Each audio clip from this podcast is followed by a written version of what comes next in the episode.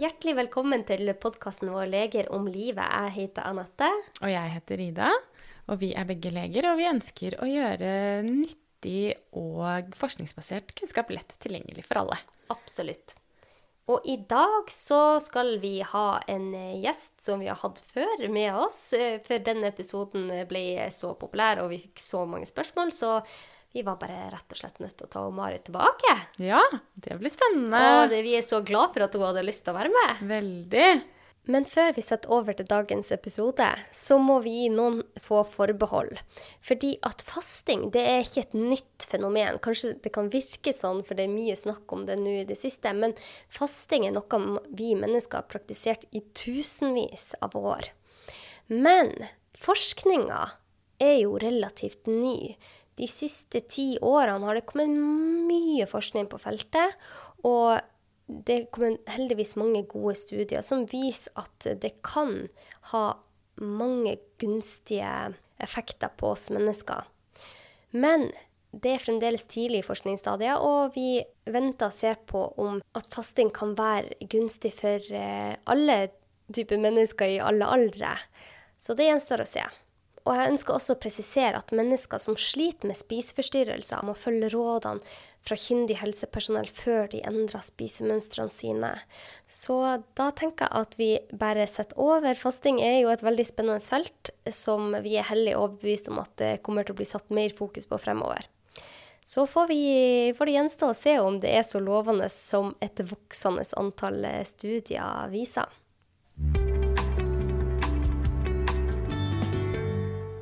Ja, i dag er vi så heldige å ha Marit Kolby Sinniker tilbake som gjest.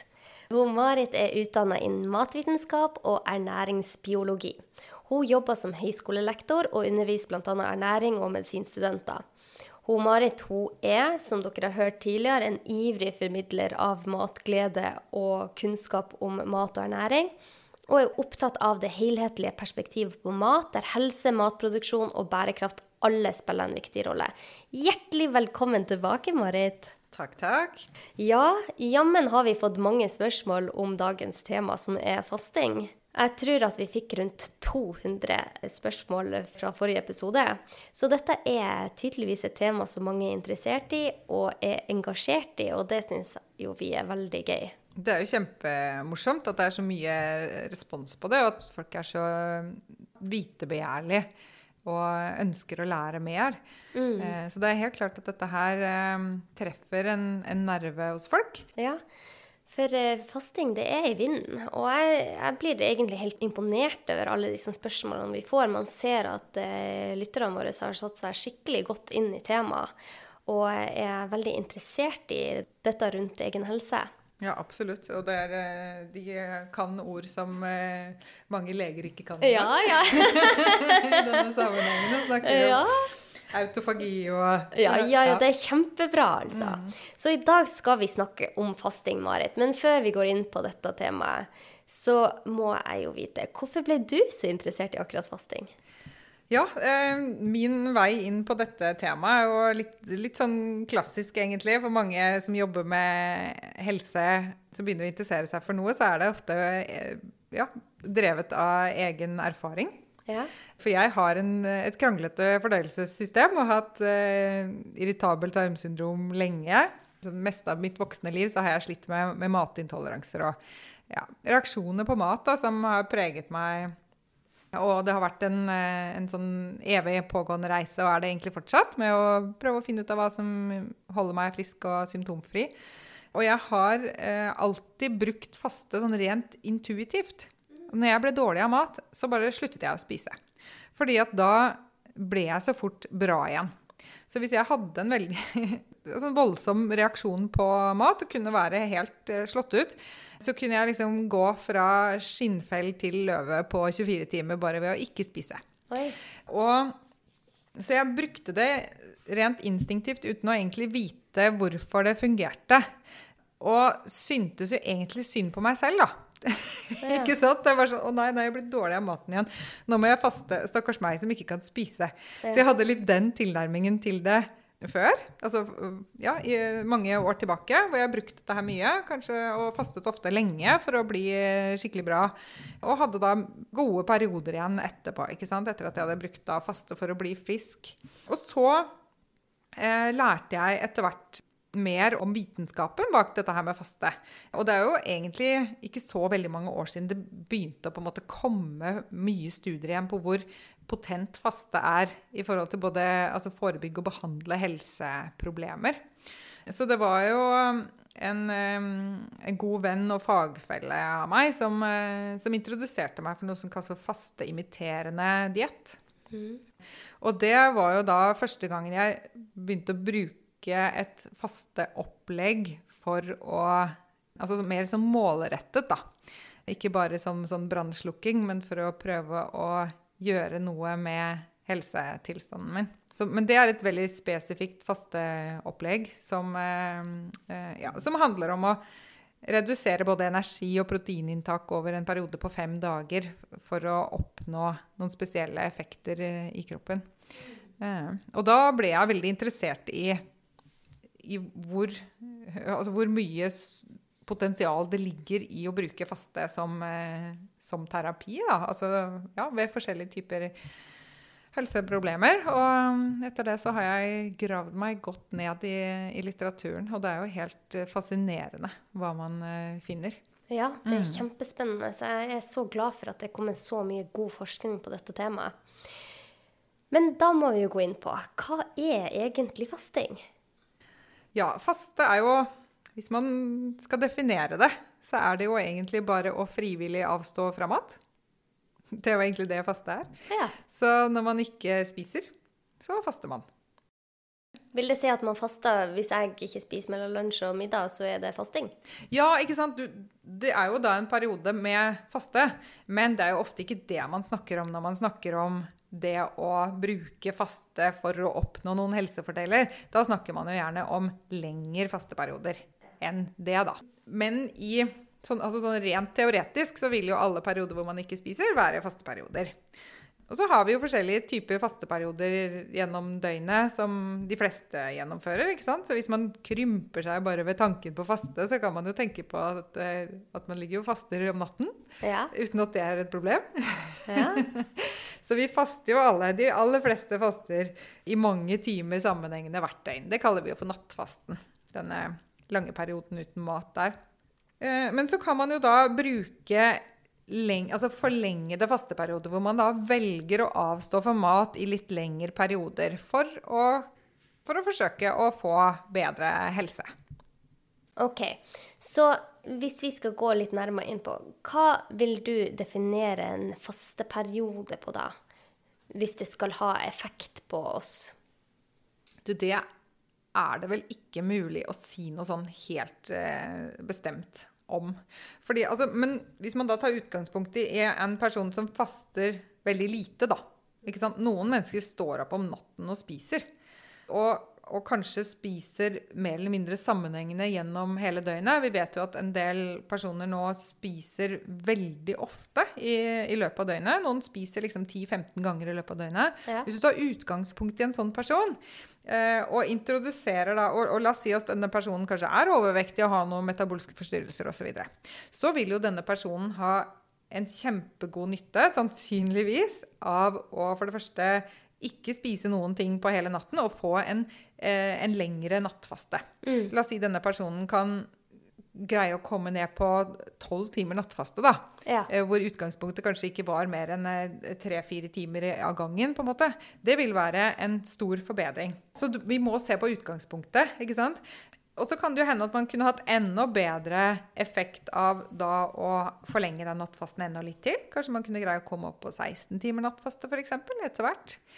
Og kanskje den personen etter hvert klarer å på en måte få kontroll på dette matinntaket og kvitte seg med sultskrekken og kanskje introdusere noen litt lengre fasteperioder. Også la oss si man faster i 24 timer, da. Én gang i uka, to ganger i uka, et eller annet sånt noe så vil jo det kanskje ha ytterligere effekt igjen. Så det er ikke noen sånn gullstandard her. Jeg tenker at den beste fasten er jo den du får til. Mm. Eh, og så er det jo viktig også Vi snakker om faste, og at det er en det kan være en veldig nyttig hjelpemiddel for helse. Men det betyr ikke at de som er friske og sunne og funksjonelle og normalvektige, må begynne å faste noe mer enn det de gjør nå. ikke sant? Hvis man har en normal nattfaste og alt fungerer kjempebra, så trenger man jo ikke begynne å endre noe. Nei. Men alle de som har vektproblemer, metabolske øh, forstyrrelser, og også alle de som har en del sånne diffuse plager som man ikke ofte klarer å peke på årsaken til. Altså det kan være veldig mange forskjellige ting. Det kan være konsentrasjonsvansker, det vi kaller for hjernetåke, eller brain fog på engelsk. Det kan være generell følelse av energiløshet eller utmattelse. Det kan være hodepine, migrene, eh, muskel- og leddsmerter.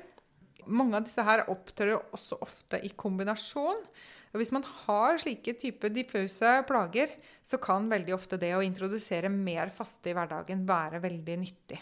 Så vi må se på hvem Vi må se liksom på utgangspunktet, og så må vi se på hvem, hvordan spiser denne personen. Hva slags måltidsmønster og rytme har denne personen? Mm. Og så må man jobbe ut fra det. For det er jo heller ikke realistisk at en person som kanskje har lagt til seg en vane med å spise veldig, veldig ofte, plutselig skal begynne å gå på veldig langvarige faste eller mm. faste mm. døgn av gangen og ha kjempelang nattfaste. Det blir man nødt til å gjøre litt gradvis, fordi at um, ellers kan det bli altfor krevende. Ja, og så trenger man eh, For 24-timersfaste, det høres veldig lenge ut for de aller fleste. Og man har jo sett at det kan ha god effekt eh, helt ned på tolv timer. Mm. Så lavthengende frukt for de som i hvert fall ikke har fasta før, så er det bare å skippe frokosten. Mm. Så har du kanskje fasta i 15 timer hvis du slutter å spise klokka åtte på kvelden, og så spiser du ikke før klokka ja, hva det blir, 11 så har du fasta en god del timer der. Ikke sant. Og da har du jo introdusert eh, et, et, mye større tidsrom hvor du befinner deg i en faste tilstand, ikke sant? og ja. får fordelen av å være i den faste tilstanden. Og det er eh, eh ikke sant, som du sier, lavthengende frukt. Du må gjøre det som er litt enkelt. Mm. Og mange syns jo at det å utsette frokosten er noe av det enkleste. Eh, man kan gjøre. Eh, jeg syns i hvert fall personlig det, fordi at altså, etter natten så har man jo gjennomgått et sånt metabolsk skifte, hvor man har eh, måte slått om fra å bruke energi som kommer utenfra, til å bruke energi som kommer innenfra. Mm. Så når vi ligger og sover, så lever vi jo gradvis mer og mer og mer på eget kroppsfett. Det er det største energibidraget når vi våkner om morgenen. så er det stort sett det vi, der vi får den meste energien fra. Så da har man allerede på en måte gått gjennom dette skiftet og og vente seg til i løpet av natten ja. å leve på sitt eget kroppsfett. Ja. og det er jo det vi lever på når vi faster, sant? Eh, hovedsakelig. Og det, for mange så er det lettere å bare være lenger i den tilstanden enn å da spise en frokost, og, så, og da setter man jo i gang helt andre metabolske prosesser igjen. ikke mm. sant? Da stiger eh, blodsukkeret, og så stiger insulinet, og så setter man i gang disse her oppbyggende prosessene som foregår i forbindelse med et måltid eller etterkant av et måltid. Og så etter måltid igjen, noen timer etterpå, så faller jo blodsukkeret, så faller insulin, og da er det veldig mange som blir veldig sultne. Ja, ikke sant? Så det kan være lettere å bare være i den forlenga nattfasten enn å la være å spise når du først har satt i gang spisemetabolismen, da, for å kalle det det.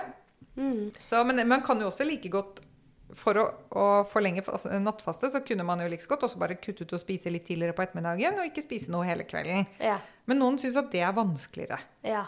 Mm. Så det må man se litt an. Det kommer an på din metabolisme. Og mm. man vet jo ikke ennå, de, de, forsker jo på dette iherdig. Men for noen så er det lettere å skippe kveldsen, men ja. må ha frokost. Mens uh, for mange så ser man at frokosten er lettest å skippe. Men sånn som min bestemor, f.eks. Hun har praktisert fasting helt fra hun var liten, for det var sånn de gjorde det før i tida. De spiste middag klokka fire-fem, og så var det ikke noe særlig mer. Så hun spiser ikke etter middag. Nei. Det er bare sånn hun er vokst opp. Nei. Så for hun er det en helt naturlig prosess. Så jeg liker jo veldig godt å se evolusjonsmessig på det. Hva gjorde man før i tida? Og vi sto ikke opp klokka fem om morgenen for å tilberede frokosten. For eh, vi hadde jo ikke kjøleskap da, og man kunne ikke ha alt lett tilgjengelig. Da var man ute og sanka inn, og så spiste man da eh, kanskje lunsj eller middag. Og man, hvis man ser på stammer i Afrika, f.eks. den Hadsa-stammen, som er en av de siste stammene som lever i sånn jegersankersamfunn, så har ikke de engang et ord for frokost. Nei, ikke sant? For det er ikke noe de eh, praktiserer. Mm. Jeg syns det er kjempefascinerende.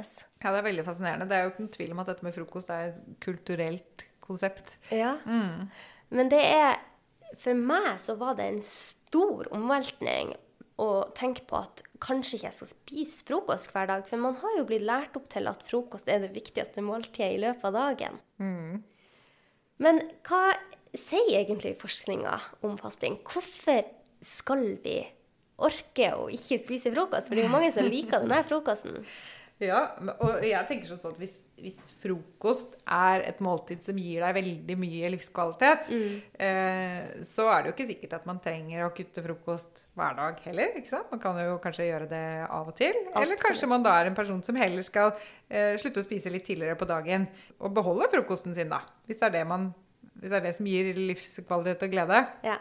Men det er klart, hvis man har helseproblemer som kan hjelpes med faste, så vil jo det være en veldig sterk motivasjon. Så da må man jo måle det litt opp mot hverandre. Kanskje det faktisk er verdt det å, skippe en frokost og heller, heller fokusere da på at man kan spise en veldig god og mettende lunsj. Og at det kan gi like god livskvalitet allikevel. Eh, og så får man da noen helsefordeler av denne forlengede fasten. Mm. Men du spurte hvorfor man skal gjøre det. ja Um, hva ja. sier forskninga på dette? Ja, eh, altså faste medfører jo, som jeg nevnte, så medfører det en sånn endring i metabolisme.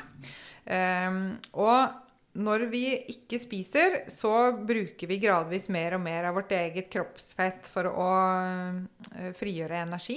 Eller til å frigjøre energi. Um, og for, i forbindelse med det så skjer det også en del andre prosesser. Når man er i denne tilstanden hvor man ikke får noen mat utenfra.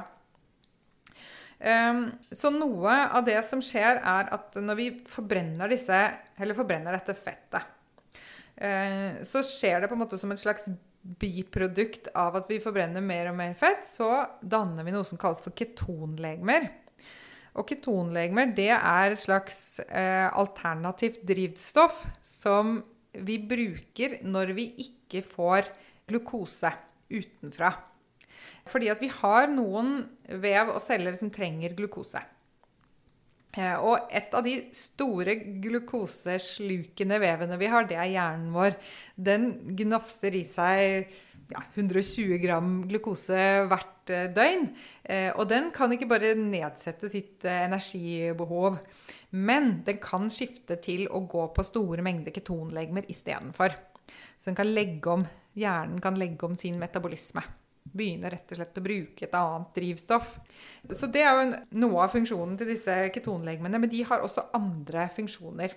Og jeg er søren ikke sikker på om man har funnet mekanismen helt ned på eh, sånn molekylært nivå, men vi vet at de virker antiinflamatorisk.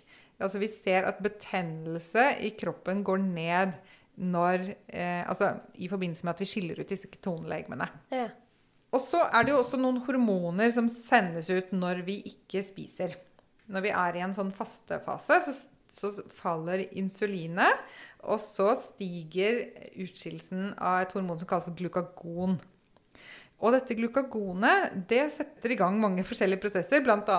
Eh, ja, at leveren begynner å produsere glukose. ehm, ja, og bidrar til, til frigjøring av, energi, eh, lagret energi. Men det det også gjør, er at det setter i gang en prosess som kalles for autofagi. Som vi nevnte så vidt innledningsvis. Og autofagi det betyr egentlig selvspising. ja. Så vi begynner å spise på oss selv. Men, og det høres litt dramatisk ut. Ja, det hørtes fælt ut. men, eh, men eh, kroppen er veldig smart, da. Fordi kroppen begynner jo ikke bare å, å bryte seg selv ned til dysfunksjon. Det den istedenfor gjør, er jo å se seg om etter hva er det her som ikke er tipp topp funksjonelt. Det er egentlig det autofagi handler om. Og så begynner da cellene å bryte ned dysfunksjonelle proteiner og komponenter i cellene. Så dette her, altså dette kalles for søppeltømming i cellene. Eh, Så det er rett og slett eh, vedlikehold og forberedelse til reparasjon. Sånn at, man, eh, at cellene tar rett og slett og rensker ut gamle dysfunksjonelle proteiner, celledeler, også til dels hele celler, eh, og bryter det ned. Tenk det. Ikke sant? Det er jo ganske fantastisk. Og det er jo sammenligne med hjemmet, da. Ikke sant? I hjemmet vårt vi er nødt til å gjøre en del sånn vanlig opprydning osv. Ellers så blir det helt uutholdelig fullt på vaskerommet og på oppvaskbenken. Og vi, man må gjøre det der vedlikeholdet der. Ja. Så det er jo litt det, det det handler om, denne autofagien. Og det som skjer i etterkant av det, er at når vi da spiser igjen, så bygges molekyler og strukturer opp på nytt fra scratch. Bedre enn det det var før. Sant? Da får vi tipp topp funksjonelle proteiner istedenfor i kroppen vår. Trikset her er på en måte disse alternerende syklusene med faste og føde. Vi trenger begge deler. ikke sant? For når vi da faster, så bryter vi ned og rydder opp. Og når vi da spiser igjen, så bygger vi opp igjen. Men hvis vi har for lite sammenhengende perioder med faste, så får vi for lite autofagi. Så vi, vi trenger disse her eh, prosessene der. Og det er flere andre prosesser som pågår også. Dette kan jo bli eh, hvor nerdete og detaljert som helst, liksom. Men det er Ja. ikke sikkert at vi trenger å gå inn i alle mulige sånne detaljer. Men det er også noen andre proteiner som vi vet har beskyttende effekt på eh, funksjonen til arvestoffet vårt, til DNA. Noen proteiner som kalles for situiner, som aktiveres i faste situasjonen, f.eks. Så, så det er veldig eller Vi vet mye mer nå nede på, liksom, på det molekylære nivået. Det er jo ikke så lenge siden vi fant ut av dette her med autofagi. Det er jo forholdsvis ny kunnskap innenfor ja. biologien, da. Men når du er inne på litt nerding her, eh, Marit. eh, Lytterne våre de ønsker nerding. De har spurt helt detaljert eh, om eh, det vi snakka om i forrige episode. Og da nevnte du MMC-komplekset. Kan ikke du gå inn på det? Ja, eh, ja, for det er jo også en veldig viktig eh, prosess som pågår når vi ikke spiser. Og dette MMC det er noe vi kaller for det migrerende motorkompleks. Og det er noe som starter i magesekken når magesekken er tømt. Eh, Så settes dette her i gang. Og det er en serie med rytmiske muskelsammentrekninger. Så starter magesekken, og så går de nedover i tynntarmen. I hele tynntarmens lengde. Jobber seg nedover. Og det disse muskelsammentrekningene her gjør, er at de dytter bakterier og matrester fra tidligere måltider fremover og over i tykktarmen. Og det er jo en grunn til at vi har denne funksjonen. Ja. Eh, og det er fordi at når vi har spist et måltid, så blir det liggende igjen matrester eh, og bakterier i tynntarmen vår. Det ligger i små kriker og krukker og groper eh, osv. Og det er jo Vi har bakterier som lever i dette cellelaget i eh, tynntarmen, så de bor der på en måte Ja. permanent. Og så kommer det jo masse bakterier inn med maten også. Vi spiser jo liksom milliarder av bakterier i maten hver dag. Med mindre man spiser bare ihjelkokt mat. Ja. Ja. Så så lenge man spiser noe ferskt og friskt, og så har man masse bakterier i munnen. ja. Så når vi tygger og spiser, så blandes disse matbakteriene med munnbakteriene. Og maten vi spiser, er jo også mat for bakterier. Mm. Så det er en naturlig prosess at vi skal spise Ja. disse bakteriene. Ja da.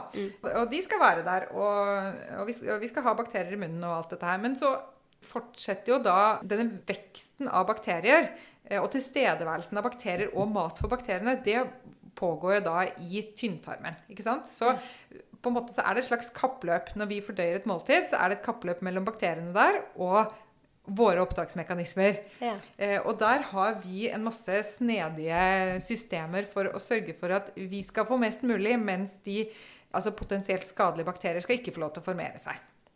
Og Derfor så skiller vi bl.a. ut eh, stoffer i tynntarmen, men også i munnen, forresten. Så skiller vi ut bakteriehemmende stoffer.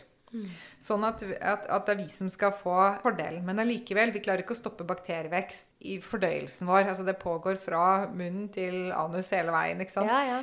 Så, eh, men i hvert fall etter et måltid da, så vil det ligge igjen matrester, og det vil ligge igjen bakterier i tynntarmen.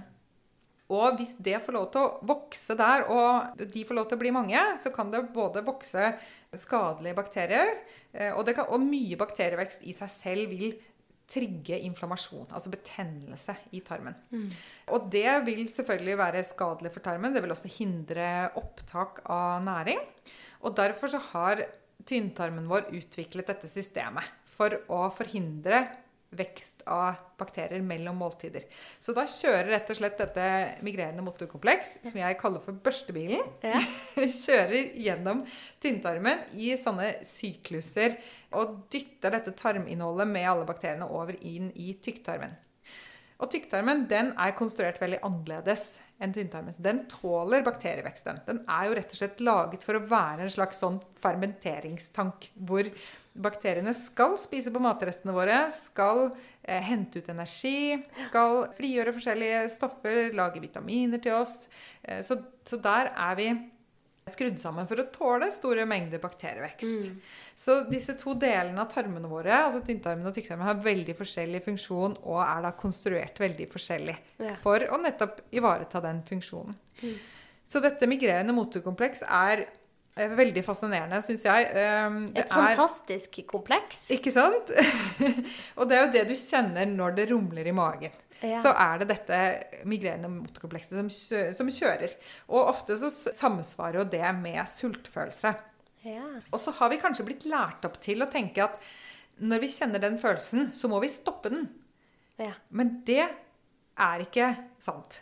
Fordi at hvis man venter ut den sultfølelsen som man kjenner i denne prosessen, så vil man merke at den går veldig fort bort igjen. Det kan være fem minutter, det kan være ti minutter. Det, kan, altså det, det tar ikke veldig lang tid før den følelsen forsvinner igjen. Så det betyr ikke at vi altså Når vi kjenner denne følelsen at det rumler i magen og at vi er sultne, så betyr det ikke at vi må Eller det betyr at vi vi bør helst ikke stoppe det, fordi da pågår det en viktig prosess. En rengjøring, rett og slett. sant? Så vi bør egentlig la denne her børstebilen få lov til å kjøre. Ja. Og vaske tynntarmen vår ren før vi spiser noe igjen. Og gjerne la det gå et par runder. Ja. Og hvis vi For igjen, det, det skjer på nytt igjen Ja hvis du ikke spiser. Det kommer igjen med jevne mellomrom. Og det um, En hel sånn runde kan ta liksom halvannen til to timer. Og, og, og liksom børste hele systemet rent. Ja. Eh, og så kan det ta Ja, så, så, så kan det starte nye sykluser på en måte ovenfra, da, fra, fra magesekken. Og det vil, ja, det vil variere litt hvor ofte de kommer igjen. Men det kan, liksom, det kan ta en time eller to eller et eller annet før du kjenner dem på nytt. Men de vil gå med jevne mellomrom, disse syklusene her. Utrolig fascinerende. Ikke sant? Eh, og hvis vi da tenker litt sånn evolusjon igjen, og hvordan man har gjort det tidligere med måltidsfrekvens osv., så, videre, så var det jo ikke sånn i gamle dager at når man kjente sultfølelse, at man da liksom kunne bare hoppe rett i kjøleskapet, eller bare strekke hånda ned i kontorskuffen og hente opp en kjekspakke. Ikke sant? Når man da kjente på denne sultfølelsen, så måtte man jo begynne å forberede noe mat. Eventuelt sanke noe mat, hvis vi går så langt tilbake i tid. Så det ville jo typisk ha altså Når man da kjente seg sulten, så ville det jo typisk ta ganske lang tid før man kanskje spiste noe. Ikke sant? Mens nå eh, har vi muligheten til å reagere på det med en gang vi kjenner litt sånn småsult. Og så har vi blitt lært opp til det av matindustrien til at det skal vi gjøre. Men det som vi gjør da, er at vi avbryter en veldig viktig biologisk funksjon. Fordi at selv om det er sunn mat vi spiser, så stopper den maten dette migrerende migrene motorkomplekset. Så vi bør ikke spise noen ting eh, Eller det er ikke sånn at vi skal spise hver gang vi kjenner den følelsen. Nei. For å si det sånn. For da hjelper det ikke at du spiser et eple, som du sa i den tidligere episoden. For at da slutter du den prosessen. prosessen. Da stopper du den prosessen. Da stopper du denne renseprosessen, så tilfører du egentlig bare ny mat da, til de bakteriene som eh, tynntarmen prøvde å vaske vekk. Men hvor fort starta den MNC-komplekset etter et måltid? Ja, det kommer litt an på det måltidet du har spist. Um, Ok. Og hvis man måler hvor lang tid det tar å tømme magesekken etter et måltid, så er det veldig avhengig av hvor mye du har spist, Ja. uh, og hva måltidet besto av. Ja. Så det er litt vanskelig å si noe nøyaktig om. Spiser man et bitte lite måltid som eh, kanskje er veldig lite fett og proteiner f.eks., så kan det tømmes veldig fort. Men spiser man en stor middag med, med fett og proteiner eh, som vi vet forsinker magesekktømming, Ja. um, så tar det lengre tid. Det kan, ta- det kan ta flere timer å tømme magesekken helt etter et måltid. Ja. Men sånn, ja, hvis man føler på seg selv, da, altså hvor lang tid tar det etter at du har spist før du kjenner denne følelsen, så vil det jo for mange så vil det kanskje være Hvis man har spist et godt måltid og spist seg ordentlig god og mett, så vil det jo eh, i hvert fall være fire timer, hvis ikke mer. Ok, så man bør når man har det spisevinduet, da La oss si at jeg faster ca. 15 timer den dagen, og så da har jeg jo ni timer jeg spiser. Bør man ha litt eh, mellomrom mellom måltidene da òg, sånn at den eh, MMC-komplekset får kommet i gang? Ja, jeg, jeg, vil jo eh, si det at det er smart å ha opphold mellom måltidene da også. At man skal, at man skal vente til man er ordentlig sulten, da. Mm. Før man spiser igjen. Ja. Mm. For det er, jo, det er, jo, veldig lett å småspise. Vi gjør jo det. Mm. Og så tenker man kanskje at ja, men det er jo bra mat jeg spiser, så mm. da er det jo bare bra. Liksom, mer av det gode. Og, og, det er også noe vi måte blir litt lært opp til. da, Den derre mer av, mer av. Eh, at det er litt det derre fortellingen som går, at vi skal bare legge til masse bra mat. Men ja. det er ikke gitt at det er sånn. Jeg mener at vi også må, vi må også se på dette her med måltidsfrekvens. For det er ikke sånn at det nødvendigvis er bra å pøse på med masse frukt og grønt mange ganger gjennom dagen. Men må vi ikke spise ofte og lite for å holde blodsukkeret ved like? ja, det er jo veldig morsomt. At, eller morsomt Det er jo egentlig litt tragisk at det har blitt sånn at folk har en oppfatning om at blodsukkeret vårt er noe vi må holde oppe oppe og styre det selv utenfra gjennom dagen. Det er jo helt feil. Fordi det er jo når vi ikke har spist, at blodsukkeret vårt er normalt. Da er det sånn ca. rundt 5 millimol per liter. Det er det som er normalt blodsukker. altså Litt sånn pluss-minus. Og så er det jo når vi har spist, at blodsukkeret er unormalt. Og det kroppen gjør da, er jo at den søker jo fort å få blodsukkeret tilbake på normalen. Fordi at det å ha for høyt blodsukker, det er jo ikke bra for oss. Det å ha for høyt blodsukker eh, driver skadelige prosesser. Så, derfor, så Det er jo derfor vi får denne eh, responsen. Eh, bukspyttkjertelen vår merker denne økningen i blodsukker, svarer med å skille ut insulin. Og insulinet virker på spesielle celler som da sørge for å ta sukkeret ut, eller glukosen, da, ut av blodet og inn i cellene der det kan lagres. Og få blodsukkeret ned på normal igjen. Ja. Det er jo det kroppen søker å gjøre hver gang vi har spist et måltid. Så, um, så mellom måltidene så er blodsukkeret normalt. Og det vi gjør hvis vi spiser ofte, er jo at vi befinner oss mye mer i en tilstand hvor vi ikke har normalt blodsukker. Hvor vi har et forhøyet blodsukker. Mm. Eh, og det som skjer i etterkant av at blodsukkeret har vært for forhøyet, er jo at det faller, og insulinet faller. Og i denne situasjonen der så blir mange sultne. Og noen altså Folk reagerer forskjellig på dette her. Noen er ikke så veldig sensitive for dette fallet i blodsukker. Mens noen er veldig sensitive for det og blir både altså, slitne, trøtte, kan få hodepine, noen kan bli nesten aggressive.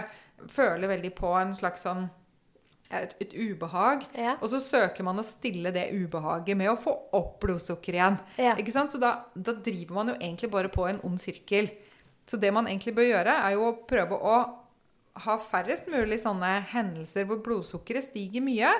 Sånn at man, hvis man spiser sjeldnere, så vil man bli mindre utsatt for denne, denne følelsen av at man har lavt, det vi kaller for lavt blodsukker. Da. Ja, At blodsukkeret stiger, og så synker fort. Ja, Og så ja. vet vi at noen mennesker der er det også forskjell på oss, men det er egentlig helt nypubliserte data. Forskningen til han Team Spekter som eh, viser at noen mennesker får en sånn ekstra dipp, som de kaller det, i blodsukker en sånn to-tre timer etter et måltid, mm. så går faktisk blodsukkeret litt under normalen. Mm. Og de som har denne effekten av måltider, og det er vel typisk da bare karbohydratrike måltider, Nettopp. Mm, de vil være mer utsatt for å da føle seg veldig uopplagte. ikke ja. sant? Så, så, de personene bør kanskje være ekstra oppmerksom på at uh, de ikke bør spise så ofte, og bør passe på at de ikke spiser raffinerte karbohydrater da, som gir en veldig sterk blodsukkerstigning. Men kanskje spise mer fett og proteiner for å få en mindre blodsukkerstigning. Sånn at man ikke får så mye som berg-og-dal-bane på blodsukkeret. Ja, og der må jeg bare skyte inn at de som har dette, de kjenner det godt igjen. For det er de som blir veldig utilpass, kanskje sur eller får humørsvingninger og eh, ja, føler seg uvel når, noen timer etter et måltid. Og da er det veldig viktig å få inn proteiner og fett i måltidene. For da vil de ikke få den der berg-og-dal-banen. Mm, Så det, det er godt poeng, Marit. Men da har vi fjerna den myten Ja. om at man skal spise fort og ofte. Men hva med forbrenninga? Det er mange som har spurt oss hva skjer med forbrenninga mi.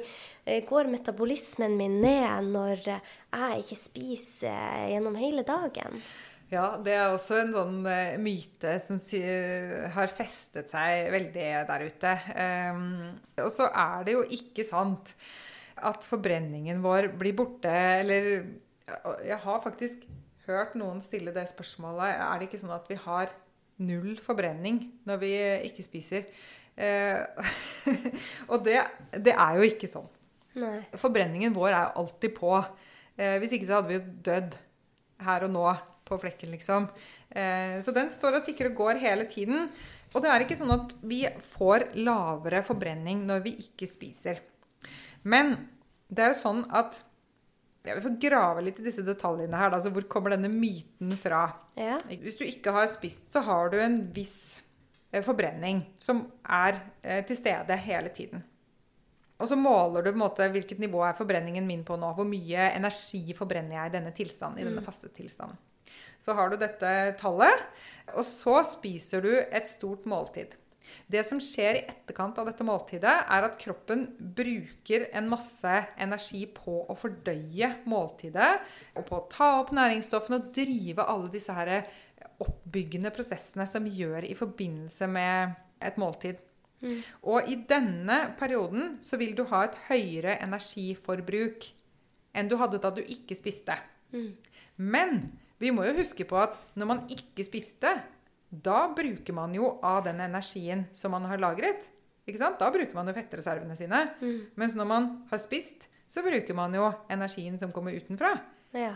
Så man har både sluttet å bruke egenlagret energi, og man har tilført energi utenfra. Så regnestykket der blir jo ikke sånn at man Altså, det er jo sånn at når man ikke spiser, det er jo da man trekker fra på festreservene. Hvis det er det man er ute etter. Ikke sant? Så det spørs jo hva er man ute etter. Er man ute etter å ha et høyest mulig totalt energiforbruk, ja da vil man ha det akkurat når man har spist. Men er man ute etter å passe på at ikke fettreservene er for store, ja da vil det være lønnsomt eller nyttig å faste. Mm.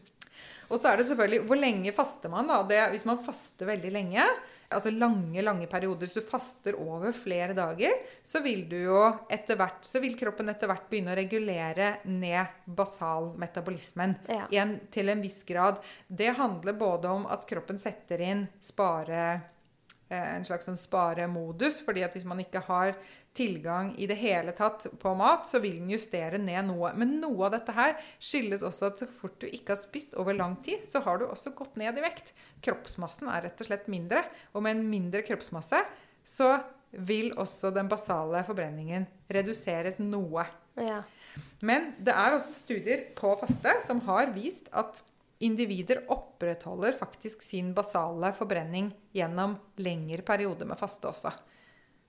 Ja. Så det ser ikke ut til at det er en sånn eh, At det, det er i hvert fall ikke en grunn til at vi ikke skal anbefale faste. Ok, Det er veldig bra at vi får det eh, lufta her, i hvert fall. For det er mange som har spurt om det, og det skjønner jeg jo godt at man Ja. spør om. For at eh, man har jo hørt det i mange år, at det er sånn. Mm. Så, så forbrenninga vår blir ikke skrudd ned hvis man eh, bare skipper frokosten. Nei, absolutt ikke. Den holder seg oppe, og da forbrenner man da fra egne fettlagre istedenfor den maten som kommer utenfra. Og det er heller ikke sånn at hvis man da har fastet, øh, og at man liksom da ødelegger forbrenningen sin med å faste. Nei. Og at den ikke funker igjen etterpå. Det er, ikke sånn, det er ikke sånn kroppene våre fungerer. Kroppene våre fungerer sånn at vi bruker energilagrene våre når vi ikke spiser, Ja. og så lagrer vi energi når Ja. vi spiser. Ja. Men det er vel kanskje en myte som har kommet av at kjent, veldig mange av disse slankekurene det handler om kalorirestriksjon over lang tid. Og da vil kroppen tilpasse seg at man får mye mindre kalorier over lengre tid. Ja, og så er det da det, det ser ut som det er en forskjell på å spise da lite grann og øh, men med et veldig kaloriunderskudd, og på det å faktisk faste helt. Eh, der ser det ut som det kanskje er en forskjell mellom det. Og at når man da faster helt, så slår kroppen totalt om på å bruke fettreservene som, eh, som energikilde, men opprettholder da basal forbrenning. Ja, veldig interessant. Så i forrige episode, Marit, da snakka vi om eh, en systematisk oversikt som var kommet ut i New England Journal of Medicine, som tok for seg da mange studier og viste da hva, hvordan fasting fungerer på oss mennesker, og hvordan eh, effekter det har på oss. Kan ikke du fortelle litt om den studien? Eh, Jo, jeg kan jo det. Altså det, det som var fint måte med den studien, var at den kom i nettopp i det tidsskriftet som er Ja, for den er, New England Journal of Medicine er et medisinsk tidsskrift. ja, Et Det er jo et av de aller høyest rangerte tidsskriftene Absolutt. som finnes, eh, finnes der ute. Ja. Eh, og det var en veldig fin oversikt, for den, den tar på en måte både for seg litt disse metabolske eh, forandringene som skjer i forbindelse med fasten. Det gir en, en grei forklaring på det. Hva det er som eh, kjennetegner fasteperioder. Eh, litt om forskjellige typer faste mm. regimer jeg, man kan bruke for å introdusere litt eh, faste i hverdagen. Og så tar den for seg hvilke helseutfall da, som vi har sett eh, god effekt på. Og det er jo veldig mange forskjellige typer helseutfall. Altså det er jo det er selvfølgelig ikke så rart kanskje at det har med vekt å gjøre, men det har også med det vi kaller for kardiometabolsk helse, da, ikke sant? i forbindelse med insulinresistens, metabolsk syndrom, slike ting. Og så har den også en liten sånn seksjon hvor den nevner hvordan man kan jobbe med pasienter med å hjelpe dem i gang med å, å få til faste. Litt sånn, hvordan overkomme barrierene. ikke sant? Fordi at det er jo en ny tankegang, og man må argumentere på en, en god måte og, og hjelpe pasientene litt til å få til dette her. Men det, det som på en måte kommer litt sånn tydelig frem ut fra denne eh, artikkelen, er jo at faste er jo en slags sånn universal metode. ikke sant? Det kan fungere for å gjenopprette helse i så veldig mange forskjellige typer helseproblemer. Og så nevnes det vel også litt det at, at det er en del helseproblemer hvor man foreløpig bare har dyrestudier, men hvor vi sannsynligvis etter hvert også vil få humane studier på dette og, og kan ta i bruk faste som en eh, behandling da, i, i flere typer helsetilstander. F.eks. Eh, ja, mer sånne kognitive tilstander. Der er det ikke så mye forskning ennå. Eh, Vi mangler forskning på eh, lidelser som leddgikt, f.eks. Der ser det ut som det er eh, veldig lovende. Um, ja. Så det er så bra at det kommer ut sånne tunge, systematiske oversikter som vi kan lene oss på. For nå vet vi at ja, det er ikke små studier, dette er store, systematiske oversikter. Ja, absolutt. De kommer ut i et språk som, eh, som går hjem. Ja, Mm, for det er jo utrolig mange Det er jo veldig mange studier som har vist gunstige effekter av faste. Altså både humane studier og, men, og ikke minst dyrestudier. Ja. Det er jo helt utrolig hva som eh, Altså hva slags effekter man kan se i dyrestudier. Altså dyremodeller for faste. Altså, Ja. Det gir jo Det er jo nesten så man ikke tør å tro på at det kan være mulig å ha så gode effekter f.eks. på multiple sklerose. Har man jo sett i, i dyrestudier. Um, ja.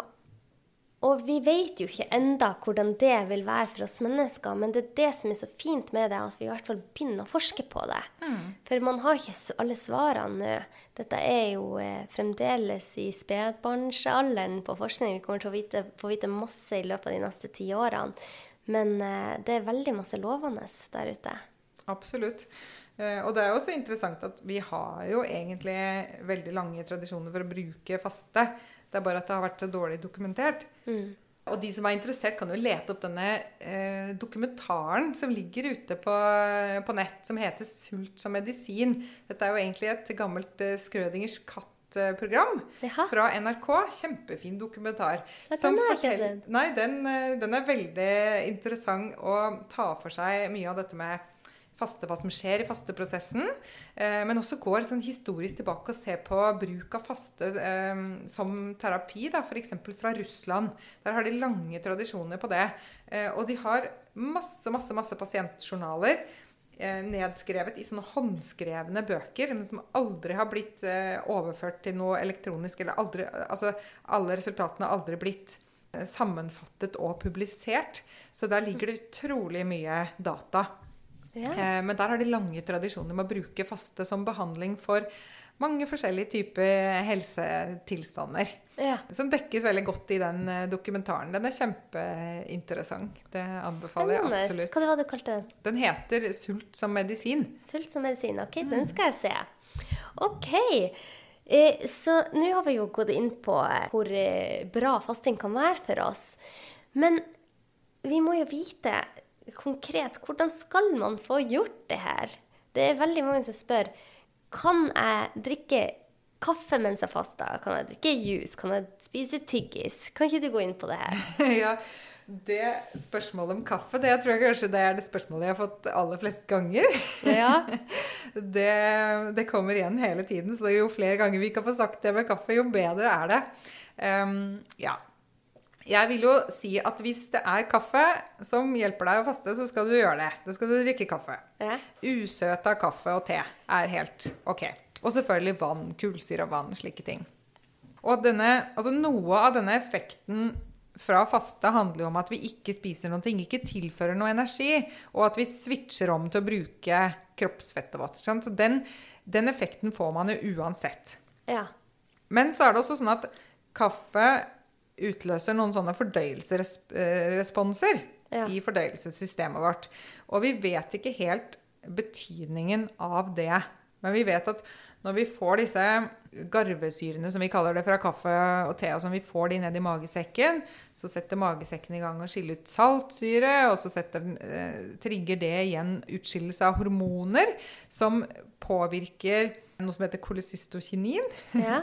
som påvirker da igjen bukspyttkjertelen og galleblæra til å begynne å sende ut bukspytt og galle osv. Så, videre. så da har man egentlig liksom satt i gang en liten sånn dominoeffekt av fordøyelsesprosesser. Okay. Og da er vi litt usikre på om vil det bremse da reparasjonsprosesser som pågår i tarmen mellom måltider. ja.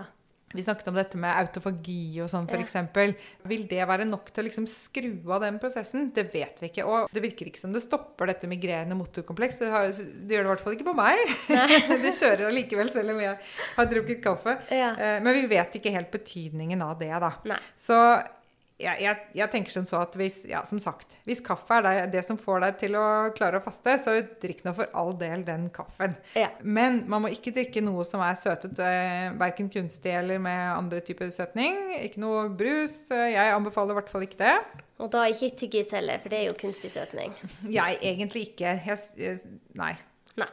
Um, Men hva med de som tar eh, vitaminer, tran og sånn på morgenen? ja, da syns jeg at de skal ta det til sitt første måltid.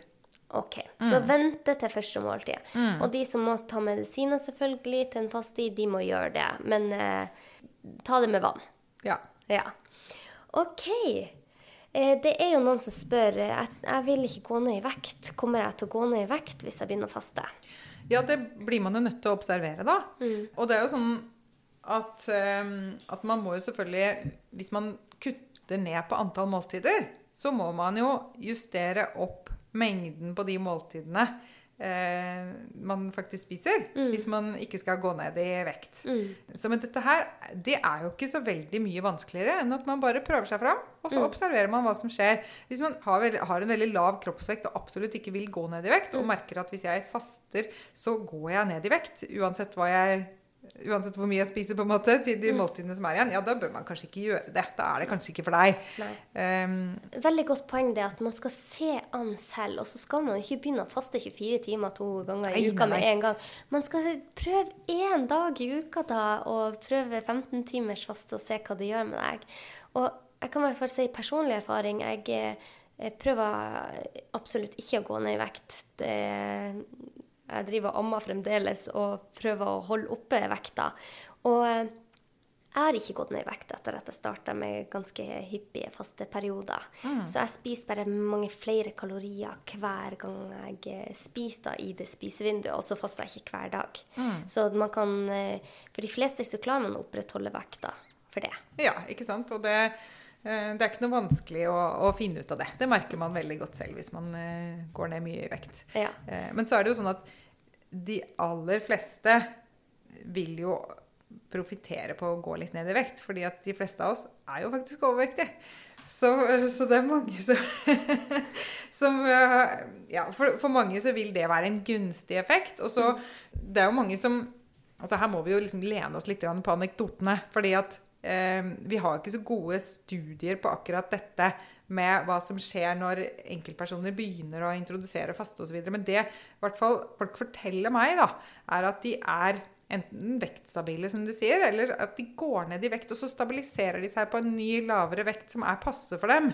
Og da justerer energiinntaket sitt etter den nye vekten. Og så, Ja. vi har, det som er greia, at vi mennesker har jo egentlig systemer for dette her i kroppene våre. Altså, Vi har en slags sånn biologisk programmering for å opprettholde en vektregulering. Og det som også er eh, Som ser ut som at når man da introduserer mer faste, eh, inflammasjonsnivåer går ned, som vi snakket om, og så, videre, så fungerer disse systemene her bedre. Så da vil det fungere bedre begge veier. da. Det vil være lettere å gå ned i vekt hvis man er overvektig, og det vil være lettere å justere opp energiinntaket hvis man trenger det. Ja. Fordi man blir også bedre kjent med disse signalene og bli mer var for dem og lytte mer til kroppen istedenfor Ja. å liksom jeg har bestemt meg for at nå skal jeg spise 400 kalorier. De ligger på tallerkenen foran meg. Og, ikke sant? Det er jo ikke sånn, Vi har jo aldri spist sånn i evolusjonen. Nei, helt enig. Vi har jo spist eh, mat når vi var sultne, og så har vi spist det vi var mette. Og så har vi regulert en energiinntaket vårt på den måten. Godt poeng der. Ja, så da fikk vi i hvert fall svart på de spørsmålene. Og det er jo veldig mange som spør oss om eh, spesifikke sykdommer, og hvordan faste fungerer med akkurat den type sykdom. Og til det må jeg bare si at det er veldig vanskelig å vite hvordan, ikke bare fra individ til individ, men også fra sykdom til sykdom. Og for noen som har, la oss si, migrene, så kan det fungere kjempebra med fasting, men for andre så kan det være en trigger. Så man må kjenne etter litt her. Så, eh, og hvis man er usikker, og hvis man har en sykdom som vanskelig kan kombineres med fasting, så må man ta det opp med legen sin før man begynner med det. Men for de aller fleste av oss så går det fint å skippe frokosten. Ja, ikke sant. Og så er det noe med å ikke, som du sa, ikke liksom begynne på det mest ekstreme versjonen med en gang. Altså Man kan begynne med å liksom skyve på frokosten en time. Ja. Altså to timer, og så tre timer, og føle seg litt fram og så se hvordan det går. Altså, øh, ja, ta det litt gradvis. Ja, jeg har en eh, Min kjære samboer Henrik, han er jo en sånn ultramaratonløper, og Oi.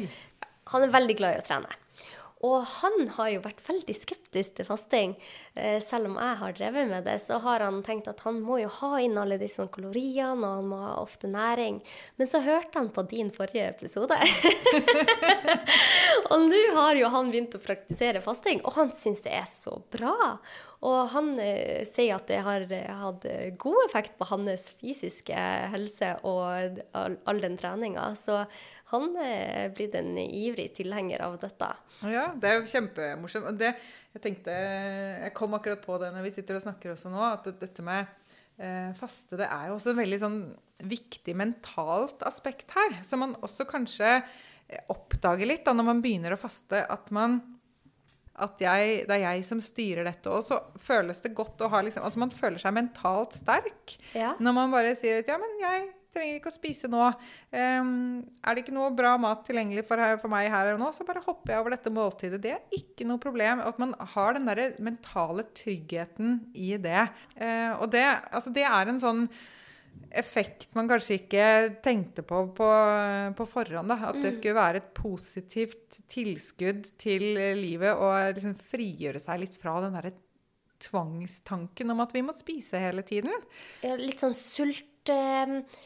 Uh, ja, Absolutt. Ja, og den der er ikke Det er bra du tar det opp, for det er ikke noe å kimse av det der. For det er mange som tenker, og inkludert meg selv før, så tenkte jeg herregud, hvis ikke jeg får den frokosten eller den lunsjen, så dør jeg. Hvordan skal jeg komme meg gjennom dagen? Mm. Og så opplever man da at herre min, min kropp fungerer kjempefint uten mm. den frokosten. Og ja, ja, det ble ikke lunsj i dag, men det gikk helt fint, og jeg klarte den eksamen. og sant, Sånne ting. At man bare får mestringsfølelse rundt det. Ikke sant. Og det er, jo, det er jo en strategi de bruker, altså disse som jobber med eh, forskning på, eh, på dette med døgnrytmer og faste og fasteeffekter osv. De sier også det. De gjør det selv. De hopper over måltider hele tiden. Og, og det man også må huske på, er jo at faste er jo gratis. Og ikke bare gratis, man sparer jo faktisk penger når man ikke driver og kjøper masse Og tid! Og tid, ikke minst. Og den ja. tiden den kan man jo da bruke til å virkelig lage seg kvalitetsmat når man først spiser. Ja. Mm. Det er faktisk flere som har skrevet til meg og hørt at kvinner må ikke faste. Ja, det er en sånn myte som verserer der ja. ute. Og jeg er ikke helt sikker på opprinnelsen til den myten. Og jeg har prøvd å søke litt i litteraturen for å se hva jeg fant. Ja. Noe av det jeg har funnet, er eh, bl.a. en studie hvor man fastet kvinner i 72 timer sammenhengende, altså vannfaste i 72 timer sammenhengende, opp mot eggløsning. Ja. Og det man kunne se da, var at da var det noen altså hos noen av kvinnene så uteble eggløsningen eller ble forsinket. Oh, ja. Men det er jo ikke det vi anbefaler. ikke sant? Det er jo ingen av de som, eh, som anbefaler mer faste i hverdagen, anbefaler f.eks. lengre nattfaste osv., som anbefaler en sammenhengende så lang faste. Nei. Og dessuten, dette her var da kvinner som var litt undervektige. Så å liksom sulte kvinner opp mot eh, en fruktbarhetsperiode, det er jo ikke det vi snakker om. ikke sant? Vi snakker jo om litt lengre eh, opphold mellom måltider og litt lengre fasteperioder i hverdagen. Og gjerne for folk som ikke er friske, og som ikke er undervektige. Det som også var interessant i forbindelse med den studien jeg fant da, var at de samme forskerne hadde gjentatt dette eksperimentet i normalvektige kvinner, og da så de ikke denne effekten. Så det var snakk om undervekt. Eh, så jeg mener at dette er noe av kilden til denne forvirringen. Og, og hvis man ser da på f.eks. kvinner som har fruktbarhetsforstyrrelser, som har problemer med fertilitet, f.eks. For i forbindelse med PCOS osv., så, videre, mm. så ser man jo det at vektnedgang vil være med på å eh, å hjelpe på de problemene. Mm. Og vi vet jo også det at, at uh, fruktbarheten er nedsatt hos hos kvinner med, med fedme, f.eks. Mm. Eh, så, så, hvis faste da kan hjelpe til å, eh, å reversere den prosessen og gå ned i vekt, f.eks., som vi vet at det er mange som klarer å gå ned i vekt når de begynner å faste mer, så vil det jo virke positivt. Så, ja, så jeg mener at dette her er en ubegrunnet eh, redsel. Og det er klart, kvinner har en litt annen biologi enn menn. Ja. Fordi vi har hormoner som svinger osv. Og, eh, og det en del kvinner rapporterer, da, er at de merker at noen perioder i syklusen så klarer de ikke dette her. Mm. Klarer de ikke å faste. Mens andre ganger så går det kjempefint. Ja. Og da igjen så tenker jeg at da må du føle deg litt fram. Det er så bra du sier det, for mm. det er kjempeviktig. Hvis du står opp den morgenen og tenker 'herregud, hvordan skal jeg klare meg til lunsj uten mat', da skal du ikke faste. Da skal du Nei, spise. Ja, og, og, det der merker jeg også på egen kropp og, ganger, og egen syke, ikke minst. Altså Noen ganger så funker det eh, som juling, og noen ganger så er jeg sånn Nei, vet du hva, i dag orker jeg ikke det. Nei. Jeg vil ikke, vil ikke det. Vil ha, nå vil jeg ha mat. Og, ja. og, andre dager så er det kjempelett som bare ja. det. Og nå kommer jeg på et annet triks også, da. Hvis man har lyst til å prøve, er nysgjerrig på hva faste kan gjøre for deg, så er det smart å gjøre dette på noen dager hvor du har litt å gjøre. ikke bare, ikke bare sitte hjemme, liksom. Sitte og faste foran kjøleskapet, det er vanskelig. og det har jeg merket i forbindelse med hele koronatiden. Og det å være så mye på hjemmekontor, Ja. så har jeg litt mindre selvdisiplin på den fastingen. Mens når jeg er på kontoret, og er, da er jeg i eh, flyt, er, har så mange Har fokus et helt annet sted. Veldig mye enklere å faste. Så hvis man skal prøve ut dette her, gjør, altså begynn med det på en dag hvor du er travel. Hvor du skal fra da, dit til hit og har en eh, masse ting du skal gjøre. Eh, for da holder man seg litt sånn distrahert. Ja, godt tips, Marit. Da eh, må vi jo kanskje legge på for tida. Den, den flyter ut. Men det er så spennende å snakke med deg. Og jeg må jo spørre, har du noen siste tips og råd til lytterne våre før vi takker for oss i dag?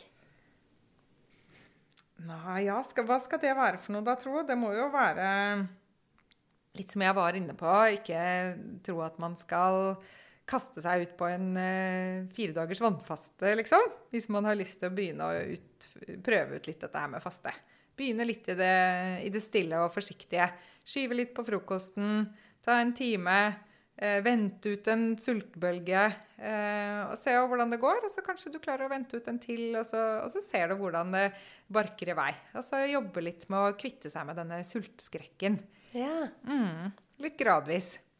Gode råd fra deg, Marit. Tusen hjertelig takk for at du ble med i podkasten vår i dag. Takk for at jeg fikk komme tilbake.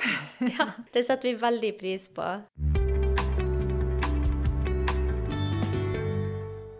Ja, det her var jo veldig spennende. Så interessant. Jeg lærte i hvert fall masse nytt. Ja, det er, det er jo litt morsomt å gå i dybden på dette temaet. Og maten vi spiser, har så mye å si for eh, hvordan vi har det. Så eh, vi håper at eh, også andre syns dette var nyttig kunnskap. Mm, ja, det håper vi. Så hvis dere har noen tilbakemeldinger eller spørsmål, så er det bare å kontakte oss på legeromlivet.gmail.com. Ja, så gir vi også tips og triks på Facebook og Instagram. Ja, det stemmer. Så må dere bare ha en fin uke videre. Ha en kjempefin dag. Ha det bra!